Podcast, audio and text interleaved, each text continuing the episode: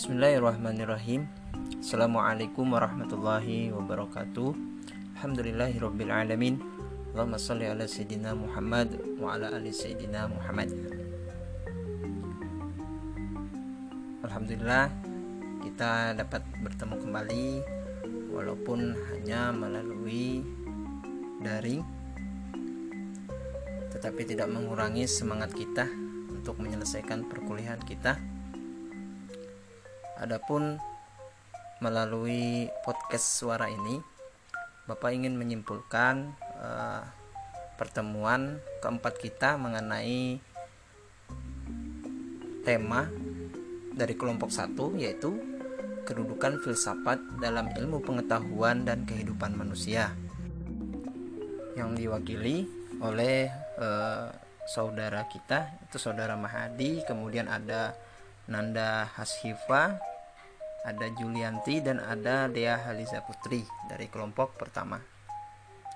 Yang pertama Bapak ucapkan terima kasih sudah menyampaikan materinya melalui video tersebut dan juga Bapak ucapkan terima kasih juga kepada para penanya, para penanggap dan seluruhnya untuk kelas MPI B ya 2020. Adapun untuk kesimpulan nah, dari Bapak bukan kesimpulan secara umum melainkan uh, kesimpulan dari beberapa penanya. Nah, di sini ada sesuai kesepakatan kita Bapak menginginkan ada 9 pertanyaan. Nah, di setiap pertemuan kelompok karena ada 10 kelompok berarti ada 9 penanya dan itu perwakilan dari setiap kelompoknya. Mungkin langsung saja dari pertanyaan yang pertama itu dari kelompok perwakilan kelompok 2 itu ada saudari Rida Amalia. Nah, berurutan saja. Apa yang dimaksud dengan ilmu-ilmu metafisika?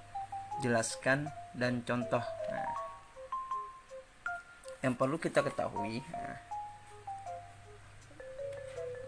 artinya begini, menurut uh, para pemikir ya. Met, uh, para pemikir meta apa? Metafisika atau metafisis. Contohnya seperti Plato dan Aristoteles. Memberikan asumsi dasar bahwa dunia atau realitas kenyataan adalah yang dapat dipahami. Yang mana setiap aliran metafisika mengklaim bahwa akal budi memiliki kapasitas memadai untuk memahami dunia. Artinya, seolah-olah akal budi memiliki kualitas ampuh untuk e, menyibak semua realitas mendasar dari segala yang ada. Kemudian ada juga tokoh filosof yaitu Hamlin ya nah, mengatakan bahwa metafisika bagian kajian filsafat yang paling abstrak dan dalam pandangan sementara orang merupakan bagian yang paling tinggi karena berurusan dengan realitas yang paling utama, berurusan dengan apa yang sungguh-sungguh ada, yang membedakan sekaligus menentukan bahwa sesuatu itu mungkin ataukah tidak. Nah, kemudian eh, sekalipun demikian juga subjek yang pasti dari kajian metafisika secara terus-menerus dipertanyakan Kemudian juga demikian juga validitas klaim-klaimnya dan kegunaannya. Dengan demikian eh, dapat kita katakan bahwa metafisika adalah bagian kajian filsafat tentang sifat dan fungsi teori tentang realita atau kenyataan. Ada juga yang mengatakan bahwa eh, kajian metafisika ini menjelaskan studi keberadaan atau realitas. Nah, manusia secara tidak sadar selalu memiliki rasa ingin tahu tentang asal atau hakikat objek dunia ini nah, di dunia. Setiap pengetahuan yang diketahui oleh manusia membutuhkan penafsiran-penafsiran secara ilmu pengetahuan. Kemudian juga membicarakan realitas sebuah objek merupakan kegiatan yang tidak ada ujung pangkalnya karena e, masalah yang dikaji tidak dapat dipecahkan oleh paradigma keilmuan. Kemudian ilmu pengetahuan berupaya memecahkan masalah-masalah yang ada dengan konsepsi teoritis. Asumsi, kemudian ada itu postulat, atau tesis ya penelitian. Nah, kemudian ada paradigma apa paradigma baru dan pemecahan masalah yang baru serta imajinasi akan dapat membuka kemungkinan-kemungkinan atau peluang-peluang e, untuk mendapatkan jawabannya. Nah, keberadaan metafisika dalam ilmu pengetahuan memberikan banyak wawasan bagaimana metafisika merupakan hal substantif dalam menelaah lebih jauh konsep keilmuan dalam menunjang kejayaan manusia dalam berpikir dan menganalisis. Nah, biasanya dalam hal penelitian ya. Nah, kemudian ada pun contohnya. Nah. Contoh dari apa tadi namanya? Metafisika ya. Saudari Rida Amelia. Nah, contohnya itu bisa tidak usah jauh-jauh yang sehari-hari kita gunakan. Contohnya air. Nah, yang mampu mentransmisikan emosi yang dimiliki oleh manusia. Nah, contohnya air layaknya manusia juga bisa mendengar, melihat, merasakan, dan merespon setiap informasi yang kita berikan kepadanya. Nah, ada seorang peneliti uh, membuktikan bahwa air itu air biasa akan mendapatkan respon positif. Nah, dengan apa tadi? Dengan uh, berdoa. Ada kan kita biasanya uh, meminta air ke tuan guru atau para habaib. Nah, nah ada orang yang meneliti apa meneliti itu. Ternyata hasilnya membentuk sebuah kristal-kristal yang indah. Nah itulah contoh dari uh, apa metafisika ya. Itu salah satu contohnya. Semoga bisa dipahami oleh uh, Rida Amelia kita lanjut ke pertanyaan selanjutnya. Pertanyaan dari kelompok 3 yang diwakili oleh Anggia Heavy Pratiwi. Nah pertanyaan Anggia Happy Pratiwi ini ada hubungannya dengan pertanyaan oleh Ilham Muhammad Fajar. Artinya saling keterkaitan. Jadi jawabannya Bapak kemas langsung menjadi satu ya. Adapun pertanyaan dari Anggia ini e, menanyakan ada beberapa ilmu pengetahuan yang memisahkan diri dari filsafat atau apa yang mendas, e, mendasari terjadinya pemisahan tersebut. Nah, nah, pertanyaan ini berhubungan dengan e, perwakilan kelompok 7 yaitu Muhammad Fajar Apakah ada hubungan psikologi psikologi dengan filsafat? Jika ada, bagaimana hubungannya? Nah, pertanyaannya. Nah, kemudian uh, perlu kita tinjau secara historis ya.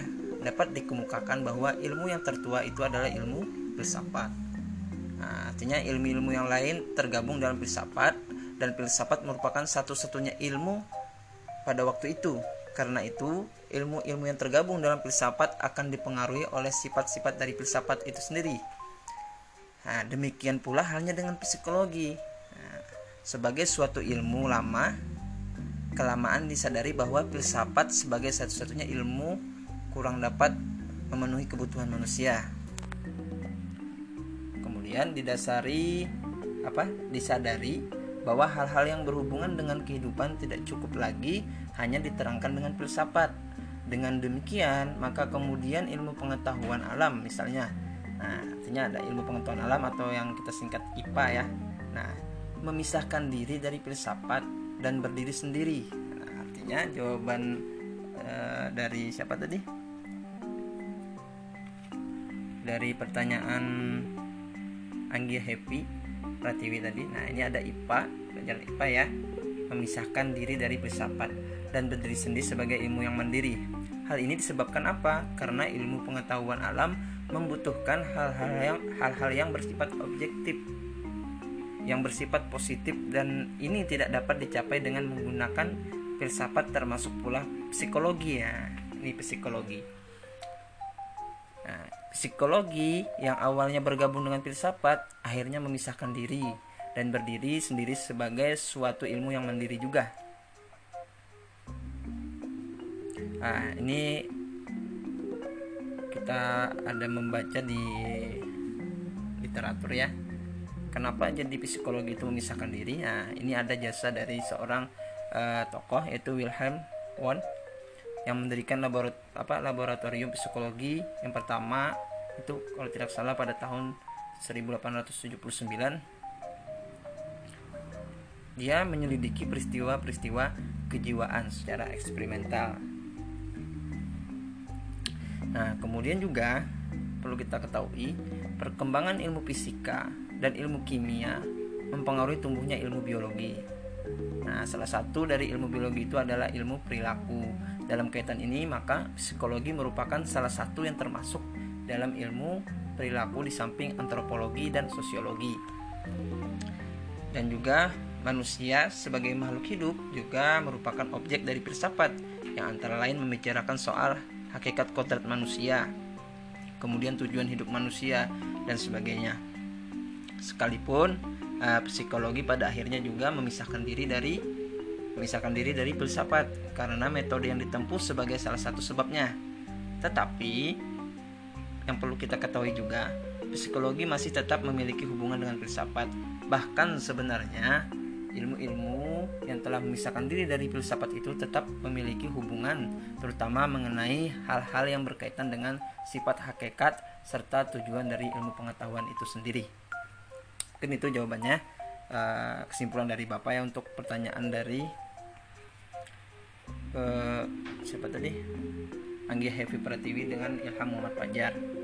Nah, kita lanjut ke pertanyaan saudari Dewi Apriliani ya, nah, perwakilan dari kelompok 4. Sebenarnya pertanyaan ini yang sudah uh, setiap pertemuan itu pasti disampaikan uh, apa namanya manfaat ketika kita mempelajari sesuatu mata kuliah ya, nah, seperti itu. Nah, di sini mempertanyakan apa manfaat kita belajar belajar filsafat. Nah, di sini supaya lebih runtunnya dalam artiannya kita ini mempelajari filsafat pendidikan. Nah, artinya sudah ada rumpunnya kan dari filsafat yang kita pelajari adalah filsafat pendidikan. Artinya begini, setiap ilmu sudah pasti memiliki fungsi dan kegunaan ya atau kita sebut manfaat. Nah, termasuk juga filsafat pendidikan. Nah, kemudian eh, ada beberapa ada orang ada para ahli juga uh, meneliti secara teori apa teoritis mengenai kegunaan filsafat pendidikan ini. Nah, di antaranya itu ada Umar Muhammad Al Taimi nah, Al Saibani ya uh, mengatakan ada manfaat uh, mempelajari filsafat pendidikan itu di antaranya yang pertama itu filsafat pendidikan itu dapat menolong para perancang pendidikan dan orang-orang yang melaksanakannya dalam suatu negara untuk membentuk pemikiran sehat terhadap sistem pendidikan.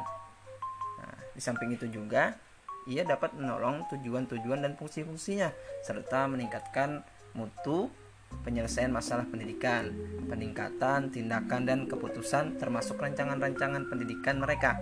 Selain itu, juga pendidik filsafat pendidikan ini berguna untuk memperbaiki peningkatan pelaksanaan pendidikan serta kaidah dan cara mereka mengajar yang mencakup penilaian bimbingan dan penyuluhan.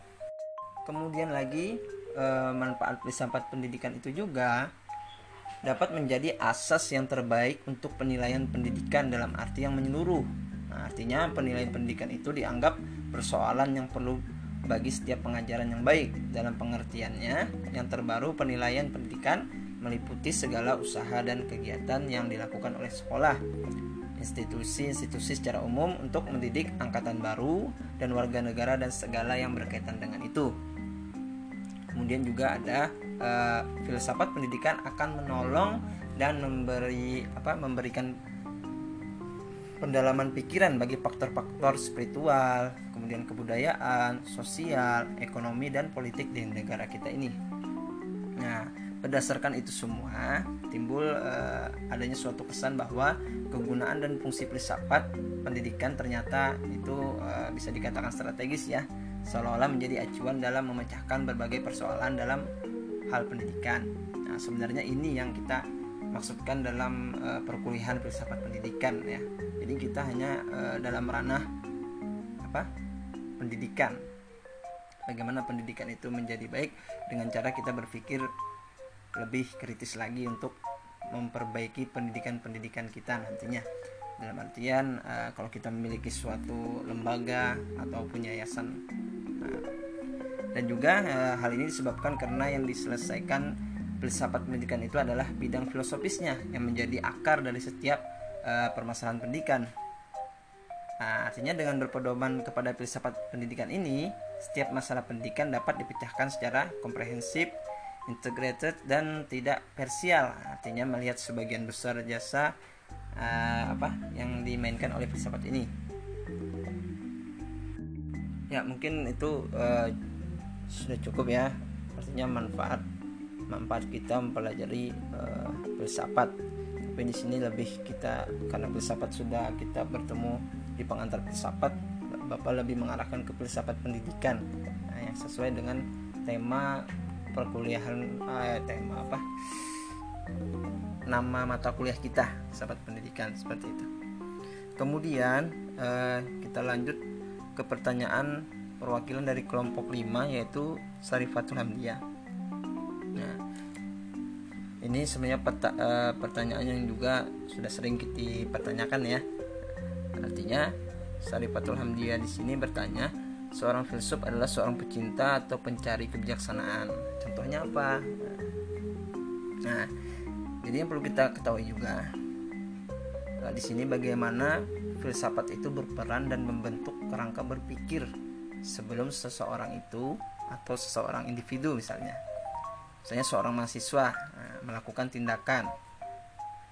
Nah, dengan konsep berpikir filsafat ini yaitu cara berpikir yang sudah kita ketahui cara berpikir berfilsafat itu seperti radikal ada universal kemudian konseptual koheren atau konsisten dan sistematis nah dengan menggunakan kerangka pikir filsafat maka seseorang individu tadi atau mahasiswa tadi akan menentukan sikap dan melakukan tindakan secara objektif efisien terarah dan proporsional sehingga apa pun yang terjadi setelah tindakannya ia tidak menyesali dan mampu menghadapi segala kemungkinan. Contohnya tadi, tidak usah jauh-jauh kita ngambil contoh. Di saat kita uh, apa ingin kuliah, apa itu sudah ada pertanyaan kita. Kita mau kuliah apa? Tujuannya apa? Itu kan kita sudah berpikir secara berfilsafat. Nah, jadi selama kita kuliah ini kita tuh sudah memberikan uh, sudah kita konsep saya semester ini harus selesai. Semester ini harus uh, sudah begini sudah begitu. Nah, artinya sudah membagi waktu lah sudah dikonsep secara baik. Nah itulah seorang mahasiswa uh, banyak sekarang mahasiswa yang lupa. Bukan lupa tetapi lalai. Niat masuk kuliah di awalnya untuk belajar. Nah ada namanya organisasi. Oke boleh berorganisasi. Silahkan. Bebas. Silahkan cari yang sesuai minat bakat kita atau kita ingin mencari pengalaman baru. Silahkan. Tetapi tanggung jawab kita niat kita awal kuliah itu ingin apa? Nah jadi kita kuliah itu ada target. Semester ini harus selesai. Misalnya sudah selesai semester 2 nanti semester 3 bagaimana target nilai saya? Misalnya harus melebihi dari nilai semester sebelum-sebelumnya. Kan kita tuh sudah eh, ada konsepnya bagaimana supaya nilai kita itu lebih baik ya dengan cara apa? Kita belajar kemudian kita banyak membaca kita bersosial apa segala macam. Nah seperti itu. Contoh dari uh, seorang pecinta ya. Atau uh, seorang pencari apa tadi namanya? Pencari kebijaksanaan. Itu yang kehidupan sehari-hari saja. Mungkin cukup ya kita lanjut uh, juga dari perwakilan kelompok 6 itu ada saudari Nina Suartini nah, pertanyaannya itu sudah bapak catat semua ya pertanyaan-pertanyaannya. Uh, kelompok 6 ya. Nah, mengapa pada saat filsafat digunakan oleh Pitagoras Arti filsafat ini belum begitu jelas. Nah, di sini yang perlu kita ketahui, Pitagoras itu adalah orang ya manusia dalam artian uh, salah satu tokoh filsafat klasik artinya filsafat uh, yang terdahulu. Nah yang perlu kita tahu ketahui di sini ini sedikit uh, menceritakan saja ya. Perlu kita ketahui yang artinya Pitagoras ini adalah seseorang nah, atau tokoh filsafat klasik ya. dan juga Pitagoras ini memiliki kaum. Nah kaumnya ini apa Pitagoras ini kaum Pitagoras ini sangat berjasa dalam meneruskan pemikiran-pemikiran Pitagoras tersebut. Nah, yang perlu kita ketahui juga, semboyan mereka itu terkenal adalah uh, autos eva atau ipse dixit. Nah, itu bahasa mereka ya. dia sendiri yang telah mengatakan demikian bahasanya seperti itu nah kaum ini diorganisir menurut aturan-aturan hidup bersama dan setiap orang wajib menantinya menaatinya nah, kemudian mereka menganggap filsafat dan ilmu pengetahuan sebagai jalan hidup sarana supaya setiap orang menjadi lahir sehingga luput dari perpindahan jiwa terus menerus nah, kalau tidak salah bapak juga ada membaca itu uh, Pitagoras ini yang tidak mempercayai apa namanya Tuhan ya. Nah, aturan-aturan Allah lah bahasanya gitu.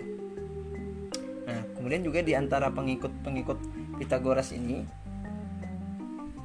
terbagi kepada dua aliran nah, aliran aliran pertama itu disebut akusmatikyo yang artinya apa yang telah didengar atau peraturan mereka mengindahkan penyucian dengan menaati semua peraturan secara seksama. Nah, kemudian yang aliran kedua itu disebut matematiko atau matesis. Nah, apa diartikan mereka itu ilmu pengetahuan. Nah, mereka mengutamakan ilmu pengetahuan, khususnya itu ilmu pasti.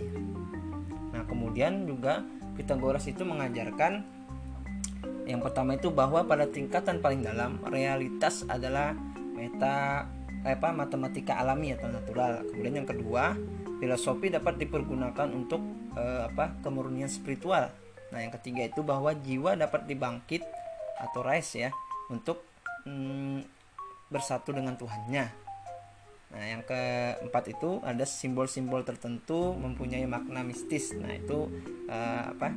keyakinan yang diajarkan oleh Pitagoras. Dan yang yang kelima juga bahwa semua yang punya hubungan antara saudara saling menjaga kerahasiaan dan kesetiaan. Nah, kemudian di sini ada juga Bapak kutip itu apa namanya? kata-kata figur eh, Pitagoras itu yang sering kita dengar sebenarnya. Itu ternyata kata-kata Pitagoras ya. Nah, contohnya Wahai anak muda, jika engkau tidak sanggup menahan lelahnya belajar, engkau harus menanggung pahitnya kebodohan. Nah, itu ternyata kata-kata Pitagoras ya yang uh, yang inspiratif atau yang sering kita dengar. Nah, ada juga uh, pilih pilih olehmu pihak yang kalah tapi benar dan janganlah sesekali engkau uh, menjadi pemenang tetapi zalim. Nah, itu kata-kata yang yang biasa tapi itu ada maknanya sebenarnya. Nah, ada juga jangan membanggakan apa yang telah engkau lakukan hari ini, sebab engkau tidak akan tahu apa yang akan diberikan hari esok. Nah, itu adalah kata-kata Pitagoras juga ya. Nah, kemudian juga Pitagoras ini eh, selain apa namanya penggagas filsafat bilangan, nah Pitagoras itu orang tadi ya, seorang Pitagoras ini selain penggagas filsafat bilangan juga e, dikenal baik sebagai penemu hukum geometri atau teorema yang berguna untuk menentukan apa namanya nih panjang sisi miring nah, dalam segitiga itu. Nah, itu adalah penemunya adalah Pitagoras. Ya. E, selanjutnya juga dari sebelumnya tadi sudah kita jawab pertanyaan dari saudari Nina Swartini ya Nah, selanjutnya ada pertanyaan perwakilan dari kelompok 8 itu ada Henny Narinti. Nah, di sini bertanya apa yang terjadi apabila dari fungsi ilmu pengetahuan melenceng dari norma agama atau negara. Nah, di sini yang perlu kita perlu kita ketahui dulu itu adalah ilmu pengetahuan itu sendiri. Nah, jadi ilmu pengetahuan itu sebagai rangkaian aktivitas manusia yang rasional atau masuk akal dan apa dan kognitif dengan metode berupa aneka prosedur dan dat, eh, apa tata langkah sehingga menghasilkan kumpulan pengetahuan yang sistematis mengenai eh, gejala-gejala kealaman, kemasyarakatan atau keorangan untuk tujuan mencapai kebenaran, memperoleh pemahaman, kemudian memberikan penjelasan ataupun melakukan penerapan. Nah, kemudian juga ada uh, tokoh yang mengatakan fungsi ilmu pengetahuan itu uh, adalah untuk kebutuhan hidup manusia dalam segala bidang yang dapat diuraikan uh, dapat diuraikan dari berbagai macam fungsi ya. Nah, jadi tadi tokoh tadi menyebutkan itu di antaranya ada empat di sini. yaitu ada fungsi deskriptif yaitu menggambarkan, melukiskan dan memaparkan atau suatu objek atau masalah sehingga mudah dipelajari oleh peneliti. Kemudian, fungsi pengembangan yang melanjutkan hasil penemuan lalu dan menemukan hasil ilmu pengetahuan yang baru. Kemudian itu ada fungsi prediksi yaitu meramalkan kejadian-kejadian yang kemungkinan besar akan terjadi sehingga manusia dapat melakukan persiapan-persiapan atau pengambilan eh, apa tindakan-tindakan yang perlu dalam usaha menghadapinya. Kemudian itu ada fungsi kontrol yaitu berusaha mengendalikan peristiwa-peristiwa yang tidak dikehendaki. Nah, artinya ilmu pengetahuan ini uh, yang melenceng dari norma agama dan negara sifatnya seperti ini uh, contohnya itu supaya kita lebih memahaminya ya kita itu sudah mengetahui bahwa yang akan kita lakukan ini pasti akan melanggar norma agama dan tidak menutup kemungkinan dengan kita melanggar norma agama ini kita akan dijerat juga dengan yang namanya hukum negara. Nah, contohnya dalam kehidupan sehari-hari kan kita banyak melihat kriminalitas ataupun hal lainnya. Contoh itu berzina. Nah, berzina itu kan sudah jelas itu e, melanggar norma agama kan. Nah kemudian dari pihak keluarga ini apa namanya tidak senang bukan tidak senang lagi ya artinya sangat kecewa lah sehingga dilaporkanlah ke pihak negara kepolisian nah, padahal yang melakukan ini sudah tahu berzina itu sudah tidak baik, haram hukumnya, tetap dilakukan. Jadi hukum agama tetap berlaku, artinya yang apa dilakukan itu haram. Yang kedua, karena pihak keluarga tadi tidak tidak apa tidak menerima dengan kejadian tersebut dilaporkanlah uh, apa ke negara tadi ke polisi sehingga uh, para pelaku tadi bisa dijerat hukuman ya. Seperti itu. Itulah fungsi dari ilmu pengetahuan. Artinya kita menjaga lah. Kita orang yang ber, berpengetahuan apalagi kita sudah sudah berkuliah ini dalam artian sudah memiliki ilmu-ilmu kita sekolah dari SD, TK, SD, SMP, SMA ataupun dari pondok pesantren. Nah, sudah banyak ilmu-ilmu yang sudah kita dapatkan. Artinya tinggal bagaimana kita menjalankannya yang tidak bertentangan dengan tadi norma hukum maupun norma negara ya seperti itu nah selanjutnya lagi itu ada pertanyaan dari saudari Musliana perwakilan dari kelompok 9 ya itu bertanya bagaimana pandangan filsafat mengenai bakat seseorang untuk mempelajari atau mengerjakan sesuatu nah, pertanyaan ini juga sebenarnya uh, sangat banyak ya yang bertanya yang seperti ini bagaimana pandangan filsafat mengenai bakat seseorang untuk mempelajari atau mengerjakan sesuatu. Artinya kita yang memiliki bakat itu sebenarnya harus bersyukur sudah. Nah, itu pandangan pandangan dari Bapak ini ya. Artinya kalau kita sudah memiliki bakat itu tinggal kita kembangkan lagi, tapi jangan jangan jangan ini, jangan dalam artian kita memiliki bakat tetapi jangan apa jangan tidak mau jangan tidak ingin mencoba hal yang baru. Jadi kita harus kita sudah memiliki bakat bakat apa misalnya. Tetapi kalau ada hal yang baru juga bisa kita coba lagi.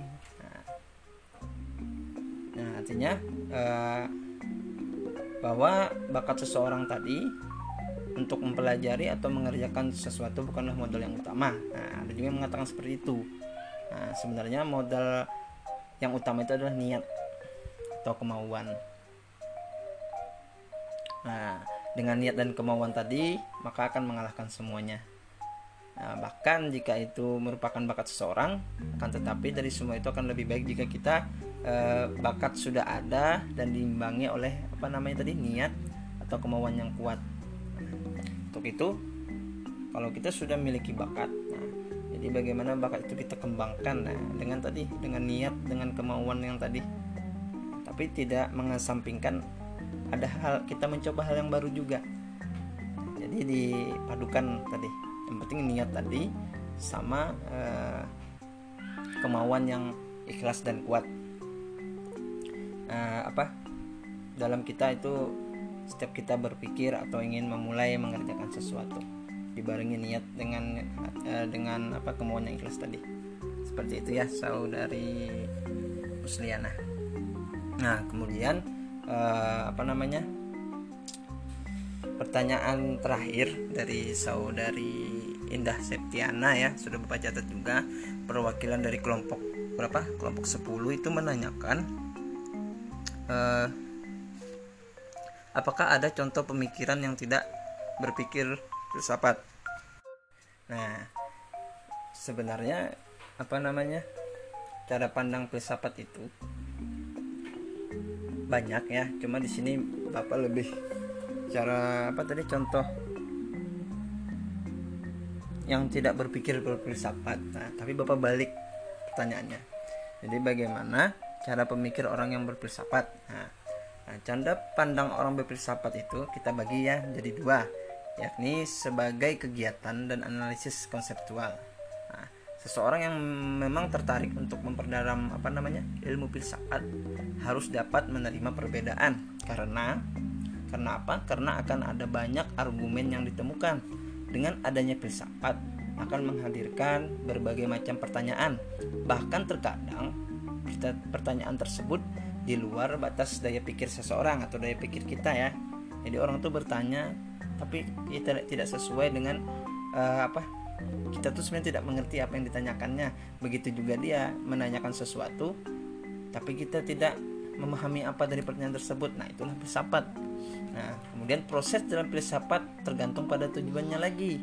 Ada yang mengatakan bahwa intelektual dan spiritual harus berjalan secara beriringan. Nah artinya begini aja supaya kita lebih memahami intelektual itu bisa dikatakan dunia ya. Nah dan spiritual itu agama. Nah itu harus imbang lah keduanya itu berjalan beriringan. Nah lain lagi hal uh, apa namanya jika filsafat merupakan alam yang bebas. Nah kemudian juga tujuan tersebut tujuan filsafat tadi akan mempengaruhi pola pikirnya dan dibutuhkan sekali penar, apa, penalaran secara rasional atau berpikir secara mengakar. Nah, contoh kita contohkan juga seperti uh, kegunaan filsafat ini ya di lingkup uh, kalian sebagai mahasiswa mahasiswi nih. Kegunaan filsafat di lingkup mahasiswa itu antara lain uh, untuk mampu memikir, memikirkan suatu masalah secara mendalam dan kritis itu sudah jelas nah tapi dalam bentuk apa yaitu dalam bentuk argumen dalam bentuk lisan maupun tulisan secara sistematis dan kritis kemudian juga juga serta mengkomunikasikan ide secara efektif. Nah, sehingga akhirnya seseorang yang mendalami filsafat dengan baik dan benar tentu dapat menyesuaikan diri dengan keadaan yang ada. Nah, itu orang yang berpikir mahasiswa-mahasiswa yang berpikir berfilsafat ya. Jadi ada tujuan yang sudah disebutkan tadi. Ini sebenarnya berhubungan juga dari pertanyaan siapa tadi? Lupa.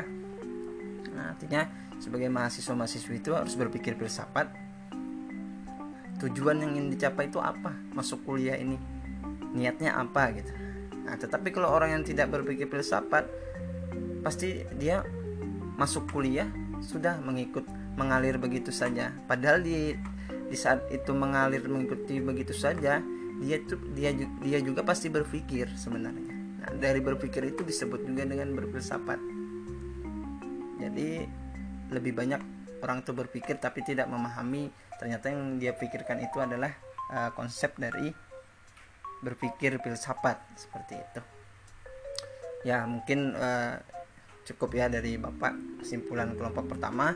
Insya Allah kesimpulan kelompok selanjutnya secepatnya akan bapak kirim kembali dalam bentuk uh, podcast suara ini. Nah dan terakhir juga bapak mengingatkan bahwa filsafat pendidikan ini memang lebih banyak uh, menjelaskan tentang pendidikan-pendidikan kita juga ya. Kita artinya kita hubungkanlah dengan pendidikan-pendidikan kita yang ada di Indonesia ini. Dan juga uh, terakhir bapak ucap kembali ucapkan terima kasih kepada kelompok pertama dan para pe penanya atau penangkap juga. Semoga pertemuan-pertemuan selanjutnya terus seperti ini ya. Artinya ada yang bertanya kemudian ada yang menjawab supaya absensinya terpenuhi. Syarat untuk uh, untuk bapak mengisi absensi itu, tadi ada yang menanggapi ada yang bertanya. Mungkin cukup dari bapak. Uh, artinya dari jawaban apa yang sudah bapak sampaikan tidak menutup kemungkinan ada kekurangan dan kelebihan. Nah, bisalah kita saling sharing tukar pendapat kembali nantinya Bapak akhiri, Wassalamualaikum warahmatullahi wabarakatuh. thank you